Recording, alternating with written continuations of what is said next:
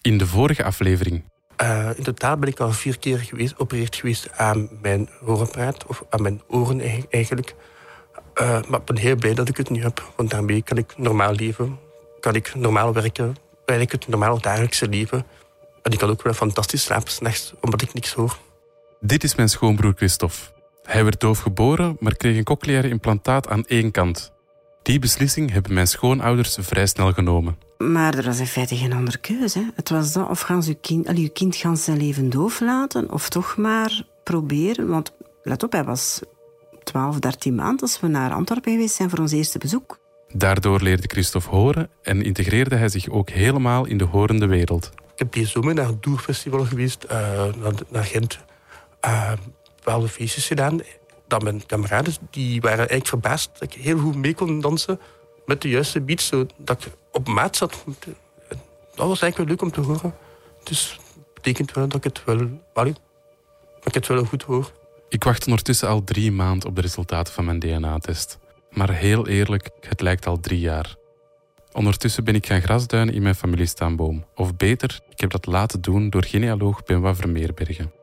Dus in jouw geval, de opdracht om te zoeken of dat er doofheid ergens geregistreerd is of vastgelegd is in de bevolkingsregister, moet ik concluderen dat dat niet het geval is. Dus zit er niets anders op dan nog drie maanden te wachten. Ik ben Niels en je luistert naar de podcast Mijn DNA achterna, waarin ik onderzoek of ik ook net als mijn vrouw drager ben van de genmutatie die doofheid veroorzaakt. Ondertussen verdiep ik me in de wereld van de doven en de dovengemeenschap. Hoe is het om doof te zijn en je hele leven in stilte moeten doorbrengen? Aflevering 3. Bart. Ik ben Bart Verheiden. Ik ben 45 jaar oud. Uh, ik ben getrouwd en heb twee kinderen en drie pluskinderen. Ik ben horend geboren en doof geworden op 3,5-jarige leeftijd door bacteriële hersenvliesontsteking. Uh, ik ben maatschappelijk assistent van opleiding en uh, ik heb ook moraalwetenschappen gestudeerd. Uh, ik, en op dit moment ben, werk ik voor de organisatie Doof Vlaanderen. En voor de rest heb ik ook les gegeven over cultuur. En zo heb ik Bart leren kennen. Want dat weten jullie nog niet, ik volg intussen de cursus gebarentolk in Mechelen. Ik zat er al langer aan te denken en eigenlijk werd ik ook wat onrustig van het wachten op de resultaten van mijn DNA-test. Dus heb ik beslist om mijn wachttijd nuttig op te vullen. En dat is de tolkopleiding geworden ik vond dat heel cool dat Niels op een gegeven moment naar huis kwam en hij zat al een tijdje met dat idee dat hij zei van ik zou eigenlijk gewoon graag gebarenles gaan volgen en dat idee is uh, ontsproten bij je thuis, maar ik doe dat niet per se voor je broer of je zus of zo, want die hebben dat niet echt nodig, maar gewoon omdat ik mij beter in die wereld wil kunnen inleven en daar beter mee bezig wil kunnen zijn. Ik vond dat heel straf. Ik vind dat van een ongelooflijk engagement tonen. Je hoort het. Mijn vrouw Severin stond er helemaal achter. Ik leer daar niet alleen gebarentaal, ik krijg bijvoorbeeld ook het vak dovengemeenschap van Bart. Zijn verhaal is trouwens helemaal anders dan dat van mijn schoonbroer Christophe. Christophe is doof geboren, maar gaat als horende persoon door het leven, omdat hij een cochleair implantaat kreeg. Bart is horend geboren, maar werd als kleuter doof en kreeg nooit een cochleair implantaat, omdat die techniek toen nog niet bestond. Bart groeide dus vrijwel in volledige stilte op. Ik ben doof geworden in 1980 in november 1980. En in september 1980 was net het uh, geïntegreerd onderwijs opgestart. Dat was het idee dat kinderen met een beperking naar het gewoon onderwijs zouden gaan. Met ondersteuning vanuit het buitengewoon onderwijs. En mijn ouders hebben uiteindelijk beslist om mij verder te laten schoollopen in de kleuterschool waar ik op dat moment al school liep met ondersteuning daarvan. Uh, je moet ook weten, dat, was, dat waren de hoogtijdagen zeg maar, van het oralisme, zoals dat heet. Dus een uh, wetenschappelijke stroming die ervan uitgaat dat dove kinderen best geen gebarentaal aangeleerd kregen maar best uh, zoveel mogelijk leerden praten met ondersteuning van logopedie en zo verder. Uh, mijn ouders die wisten natuurlijk ook niet beter dan dat en hebben daar ook voor gekozen. Straf. Bart leert dus geen gebarentaal. Hij moet leren praten met zijn stem zoals jij en ik. Maar dan zonder dat hij zichzelf of anderen hoort. Dat moet toch ongelooflijk moeilijk zijn. Hij kan anderen en dus ook zijn leerkrachten alleen maar verstaan door hun mimiek en het liplezen.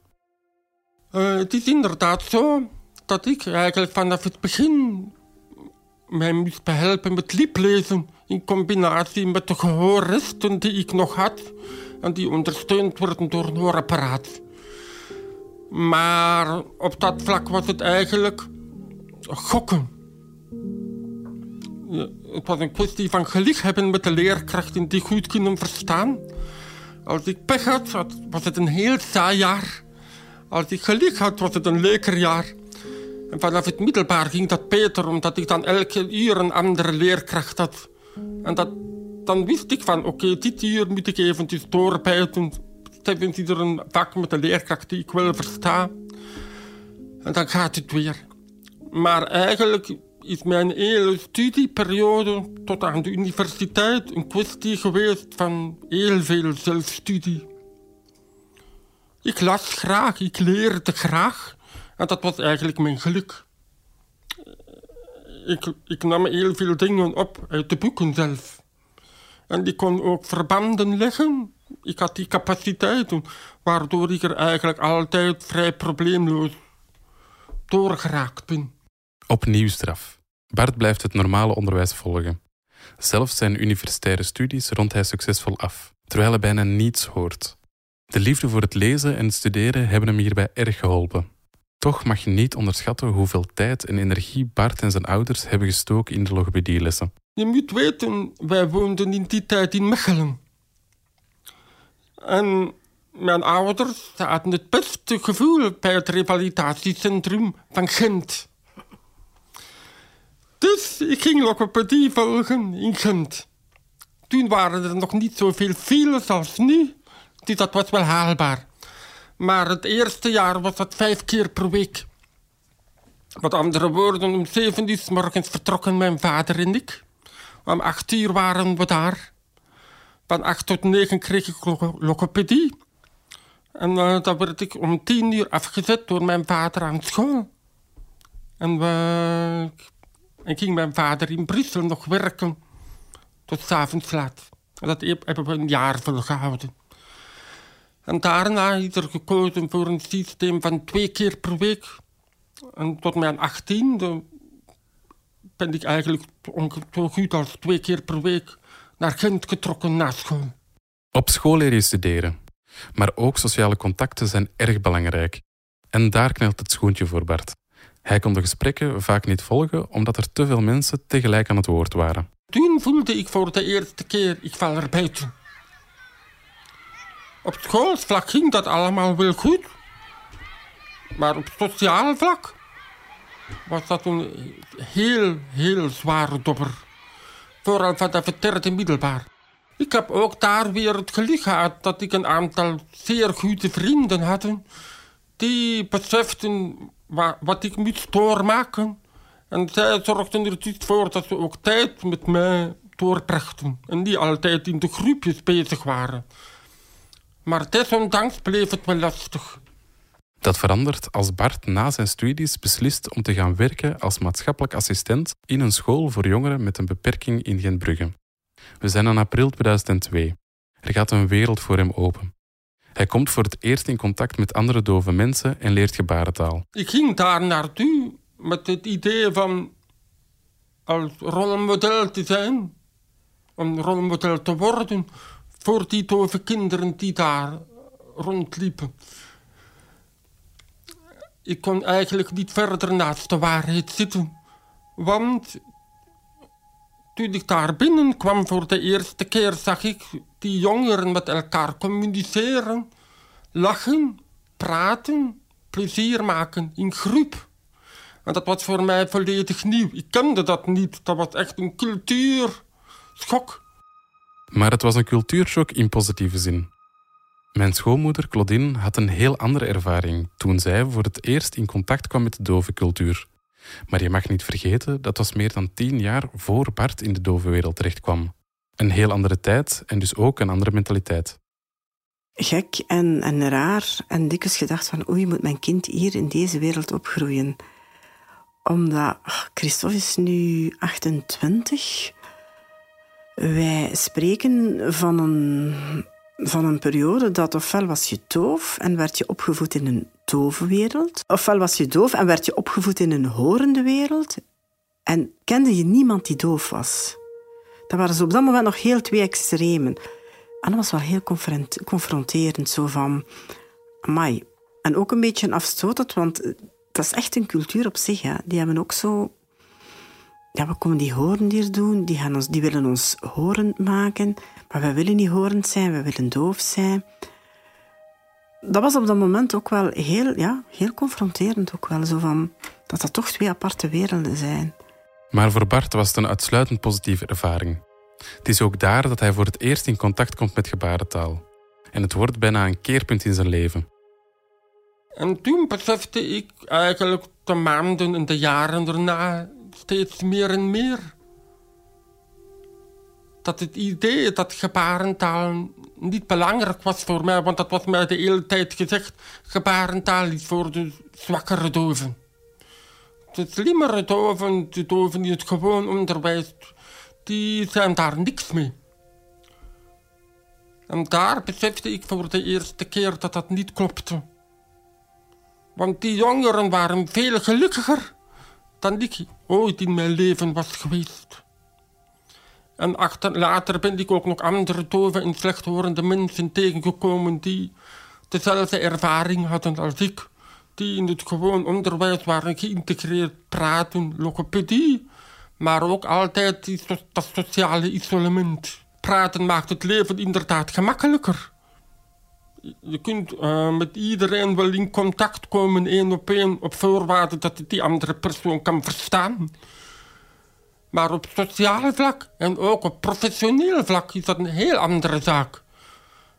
Zonder tolken ben ik verloren op vergaderingen.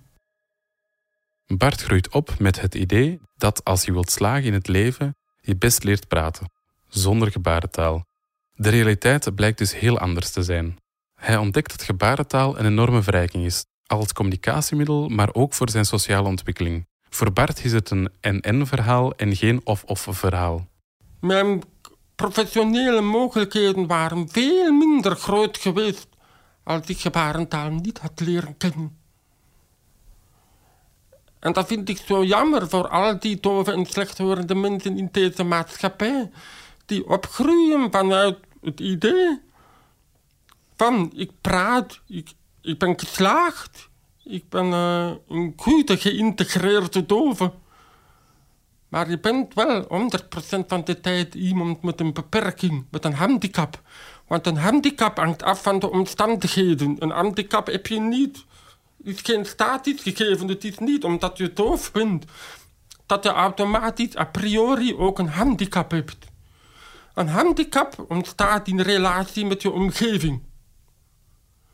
En het is juist door gebarentaal te leren dat die handicap in, bepaalde situaties eigenlijk als het ware oplost. Dat bestaat niet meer, want dankzij een tolk kan ik dingen doen die ik als pratende dove die moet liplezen onmogelijk had kunnen doen. Ook Christophe, die we leerden kennen in de vorige aflevering, is in die zin tweetalig. Hij kan gebarentaal en spreekt met woorden. Maar zijn traject verliep helemaal anders. Het was zelfs een omgekeerd scenario. Christophe startte in de dovenschool en leerde eerst gebarentaal. Pas nadat hij zijn cochleair implantaat kreeg, leerde hij spreken. Hij ging ook naar het reguliere onderwijs. Tot zijn drie jaar hebben wij alleen in, in mijn gebaren gecommuniceerd. Hè. Als hij een koek wou, de kast, uh, ja ook hij vol zin, zoals je leert praten met een baby hè, of met een peuter. Hè. Ja, dat was ons moedertaal. Hè. Trouwens, dat heb ik nog niet verteld, denk ik. Maar Claudine heeft een diploma doventolk.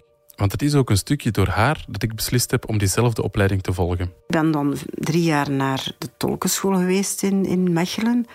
Dat had ook wel wat impact op ons gezin. Van, dat waren twee dagen in de week. Dinsdag en donderdag. Maar dat was dan, ik denk van half zeven tot tien uur. Maar ja, mijn man was nooit om half zes thuis als ik moest vertrekken. Dus de grootouders kwamen twee keer per week babysitten. En als mijn man thuis was, kon zij naar huis gaan. Uh, die stageuren, dat was dikwijls in de weekend. Allee ja, dat vraagt wel wat van elkaar. Hè? En daar kan ik over meespreken. De lesdagen zijn wel heel intensief. En ook de gebarentaal zelf is moeilijk. Die zitten helemaal anders in elkaar. Ik zit hier uh, in de les gebarentaal en uh, ik hoor natuurlijk heel weinig. Uh, we zitten hier met een man of zeven. Uh, ja, ik hoor natuurlijk niks, want wij zijn met gebaren aan het spreken. Ik weet dat heeft heel weinig nut voor de podcast, dus uh, ja. Maar dit is het geluid in een klaslokaal, gebarentaal.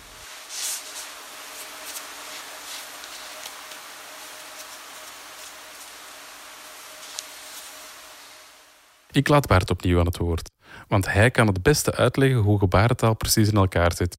Gebarentaal is eigenlijk een taal zoals alle andere. Het is een taal met een eigen woordenschat, met een eigen grammatica.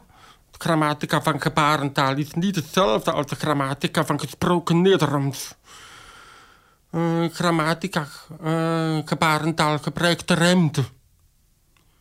Het maakt dingen visueel. Het vraagt ook een omschakeling in je denken. De grammatica is opeens anders. Je moet leren kijken. Je moet leren om betekenis te halen uit die bewegingen van de handen en de mimiek en de bewegingen van het lichaam. Dat maakt allemaal samen de taal. Als je zegt, ik ga naar de winkel, in gebarentaal gebaar je eigenlijk winkel, ik, naartoe. Eerst maak je het gebaar voor winkel, dan wijs je even naar jezelf. En dan maak je de beweging van, met je hand. Ik ga naar de winkel. Ik ga er naartoe. En dat zie je soms ook, en dat is wel grappig. Gebarentaal is daardoor ook veel sneller dan gesproken taal. Stemtolken die worden soms zot van proberen bij te houden wat er gebaard wordt. Want ja, als ik hier zou gebaren, dan zou mijn tolk het moeten omzetten in gesproken taal. En dat vraagt meer tijd dan omgekeerd. By the way, mocht je het nog niet doorhebben, tijdens dit gesprek zit er een doofdolk bij. Want ja, Bart hoort mij natuurlijk niet. Inderdaad, uh, ik ben Karen. Ik uh, studeerde acht jaar geleden af als gebarentolk. En voilà, vandaag sta ik hier te tolken voor Bart. Is het goed zo? Terug naar de gebarentaal. Ik blijf het toch raar vinden. Lange tijd werden doven dus gestimuleerd om enkel te praten met hun stem en geen gebaren te gebruiken omdat ze zo beter zouden kunnen integreren in de horende wereld. Maar dat vroeg een enorme inspanning van hen en zorgde ook voor een sociaal isolement. Eigenlijk mag je het leren spreken niet opleggen. Dat vindt ook Claudine. Respect. Respect voor degenen die doof willen blijven. Respect voor de dove cultuur. Uh, dat is een mooie wereld op zich. En ik vind niet dat wij als horende het recht hebben om daar iets aan te veranderen. Dat vind ik niet. Gewoon omdat dat hun identiteit is, dat is hun wereld, dat is... Die zijn zo groot geworden, die hebben voor zoveel dingen moeten vechten. Die zijn zo oraal opgevoed. Ik zeg, die zijn opgevoed in een gezin waar alleen gebabbeld werd. ik kan me niet voorstellen hoe frustrerend dat geweest is. Dus ja, ja ik, respecteer dat. En die mensen die, die komen daar ook. Hè. Ik bedoel, die, die hebben hun wereld, die hebben hun leefwereld, die hebben hun vrienden, die hebben hun dove vrienden. En die kinderen, die worden, krijgen ook een totaal andere opvoeding, omdat die nu gebaren mogen gebruiken. Hè. Die ouders hebben dat nooit mogen doen als kind. Hè. Er is dus een hele evolutie geweest in de dove wereld. Maar daar was ik mij totaal niet bewust van. Er bestaat ook zoiets als een dove identiteit. Ik definieer mezelf echt wel als doof. Ik heb een dove identiteit. Vroeger had ik, was ik echt zoekende. Toen ik alleen maar in de horende wereld leefde, had ik echt wel het gevoel van... ik mis hier iets, maar ik kon er de vinger niet op leggen, want... Ja, ik wist niet beter. Ik, en ik zou mezelf vroeger ook altijd als slechthorend hebben gedefinieerd. Maar door contact te maken met die gemeenschap en te zien hoe gelukkig zou eigenlijk zijn met zichzelf. Is er in mijn denken op dat vlak ook een ontwikkeling gekomen. En nu heb ik echt een dove identiteit. Ondanks dat ik praat of, of uh, dat ik nog hoor of dat ik gek ben op muziek en dat ik drum speel. Oh, oh, oh. wacht even. Heb ik dat nu goed gehoord? Bart speelt drum terwijl hij eigenlijk doof is. Je moet weten, ik heb altijd graag een instrument willen spelen. En ik heb vroeger ook gitaar geprobeerd te spelen. Ik kan een beetje gitaar. Maar het grote nadeel bij gitaren en zo... en dat soort instrumenten was... als mijn vingers niet goed zaten. Ik wist dat niet, want ik kon het niet horen. Bij drums is het natuurlijk wel iets anders. Ofwel sla je in de maat, ofwel sla je ernaast. Het blijft niet bij drum spelen. Bart luistert ook echt graag naar muziek. R.E.M. is bijvoorbeeld zijn favoriete band.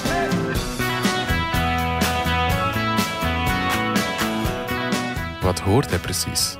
Anders, het is voor mij om naar muziek te luisteren, omdat ik niet weet wat jullie horen. Ik kan dat eh, objectief niet vergelijken. Maar mijn vader is bijvoorbeeld vroeger wel. Uh,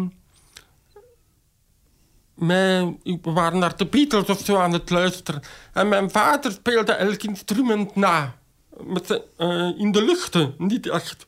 In de lucht, de gitaar, de bas, de drums, de stem. En hij vroeg mij van, hoor je dit, hoor je dat, hoor je dat, hoor je dat? En daaruit bleek wel dat ik verschillende instrumenten ik hoor ze wel, maar ik zou ze niet eruit kunnen halen. De melodie klinkt voor mij waarschijnlijk ook heel anders dan voor jullie. Maar ik kan wel genieten, ik kan kippenvel krijgen van de muziek. Dat is toch wel fantastisch dat iemand die doof is kippenvel kan krijgen van muziek. Maar goed, terug naar die dove identiteit. Voor Bart is er geen twijfel. Hij definieert zichzelf als doof. Maar hoe ziet Christophe zichzelf? Als een horend iemand. Ik heb eigenlijk uh, maar één dove vriend. En dat was bewust omdat ik mij helemaal niet thuis voel in de dove wereld. Maar ik ben ook uh, horend opgegroeid. Uh, al mijn vrienden waren horend vanaf het derde kleuterklasje. En dan, ja, ik ging soms wel naar activiteiten met dove mensen, maar dan ging ik niet blij naar huis. Allee, ik heb me wel geamuseerd dan, maar zo een echte dove persoon die ziet als zwart-wit die, die, die hebben ook een heel andere communicatie, uh, een andere levensstijl, waar ik me niet thuis bij voelde. Nee, ik ga liever met de horende mensen weg. Zal ik naar een feestje, een keer gaan dansen, een een festival, een keer gaan klappen op café. Allee. Langs feesten waren ook fantastisch voor mij. Uh, Christophe had het over de dove wereld waar hij zich absoluut niet thuis in voelt. Maar hoe moet ik me die dan voorstellen? De gemeenschap is eigenlijk een gesloten groep. Eigenlijk die totaal niet met horende mensen uh, goed voelen. In plaats van dat ze uitgaan, gaan zij naar een doofclub. Dat is bijvoorbeeld elke vrijdagavond gezelschapsspellen spelen, met elkaar gebarentaal doen. Uh, maar een eerder gesloten wereld eigenlijk. Toch vond Claudine het belangrijk dat Christophe als kind in contact kwam met de dovengemeenschap. Ik, herinner me nog vroeger, vroeger, als onze kinderen heel klein waren, dat dove volwassenen kenden die niet. Dat is ook zoiets dat dove kinderen die alleen in een horende wereld werden opgebracht, nog nooit dove grote hadden gezien. En dat die zich toch afvroegen van, oei, worden wij dan niet oud? Ja, als ik de eerste keer dat hoorde van iemand, mijn kind stelde zich de vraag van, mama, waarom zijn er geen dove volwassenen? Ja, omdat hij ook nooit in contact kwam met doven. Daarvan dat ik het ook wel altijd belangrijk gevonden dat kinderen dove cultuur meekregen. En ja, door contact met andere ouders, dan weet je van, ah ja, die zijn ook doof. Kinderen, ook naar kinderen toe, is dat wel heel belangrijk. Christophe en Bart kennen dus allebei de dove wereld, maar kijken daar heel anders naar. Voor Bart was het een eye-opener, een verrijking voor zijn leven. Hij had het gevoel eindelijk thuis te komen. Christophe daarentegen vervreemde met de jaren van de dove wereld en heeft zich er intussen helemaal van losgemaakt. Hij voelt zich beter in de horende wereld. Maar een belangrijk detail: Christophe heeft een cochleair implantaat en kan daardoor horen. Dat heeft Bart niet. Intussen wacht ik nog altijd op de resultaten van mijn DNA-test. En komt de vraag eens op: wat zouden wij doen als we een doof kind zouden krijgen? Op een gegeven moment laat je testen en dan ja, begin je wel met je hoofd te zitten. Dat duurt ook super lang dat je resultaat hebt. En dan begin je wel van alles in je hoofd te steken. Ik vind dat wel moeilijk. We praten daar niet superveel Zo gewoon af en toe komt dat wel eens naar boven als we s'avonds iets, iets aan het drinken zijn of we zijn eens op, op, op. Of, of mensen vragen er ons ook naar. Uh, dan komt dat wel naar boven, want een paar van onze vrienden weten dat. Onze familie weet dat ook wel. Dan komt dat wel naar boven. Um, maar ja, dat is denk ik super normaal of zo. Je probeert dat idee dat dat negatief kan zijn, de resultaten wel weg te steken. Ik was nieuwsgierig naar de mening van Bart, want hij heeft zelf horende kinderen. Wat zou hij doen als een van zijn kinderen doof bleek te zijn? Ik zou ook kiezen als mijn kinderen doof zijn voor een implantaat, maar het tweesporenbeleid zou ik volgen. Enerzijds een implantaat en anderzijds ook gebarentaal. Dat is voor mij evident. Want uh, het implantaat maakt het leven de horende maatschappij voor gemakkelijker. Maar gebarentaal maakt het sociale leven beter. Christophe is het levende bewijs dat het tweesporenbeleid werkt.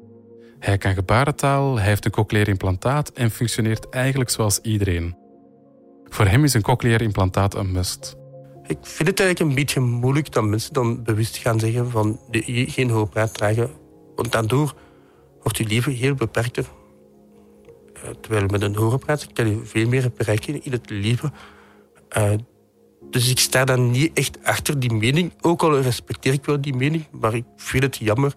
Ook professor Officiers, die Christophe destijds opereerde, en je hoorde in de vorige aflevering, vindt het jammer als ouders er niet voor kiezen om hun doofkind te implanteren. Al ziet hij wel een mentaliteitsverandering. Ik heb verscheidene uh, echtparen, beiden doof, die hun doofkind hebben laten implanteren. Ik vind dat fantastisch en zeer moedig omdat zij beseffen en becounselen ook in die richting dat een deel van het leven van dat kind zich buiten hun leven zal afspelen. Want zij gaan wel deel uitmaken van de horende en pratende wereld, terwijl de ouders dat niet zijn. Dus omwille van de mogelijkheden van hun kind nemen de mensen die beslissing. Ik vind dat groot, ik vind dat moedig. Christophe en Bart blijven hun beperkingen en uitdagingen hebben, ondanks hun hulpmiddelen. Toch viel het me op hoe positief ze in het leven staan. Ik ben blij met wie ik ben.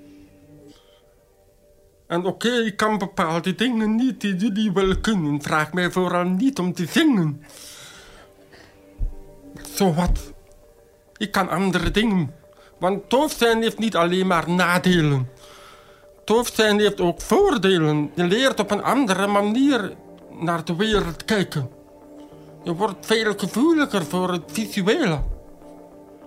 En dat is mooi. Ik vind ook op dat vlak, aangezien doof zijn geen beperking is die pijn doet of ziek maakt of tot enorm lijden zorgt, is dat kind te horen prima. Is dat kind doof? Ook prima. Het is voor mij gewoon een biologisch verschil. Wel een biologisch verschil dat in deze maatschappij wordt beschouwd als een handicap. Maar het is uiteindelijk dat. Een biologisch verschil dat er voor mij absoluut mag zijn. En moet kunnen zijn zelfs. Het is aan de maatschappij om ervoor te zorgen dat dat kind alle kansen kan krijgen. En daar is nog een lange weg af te leggen. Dat en nog veel meer hoor je in de volgende aflevering. Kijk, je, je leven stort in. Hè? Dat is het gevoel. Hè? Uh, dat is het gevoel.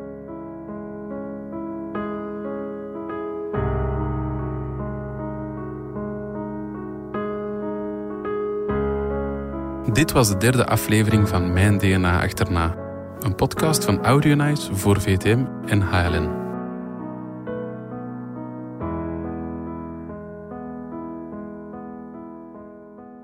Volg nu ook het tv-programma Ons DNA. Elke donderdag bij VTM. Met Frances Luffenburen en Lieven Schijnre.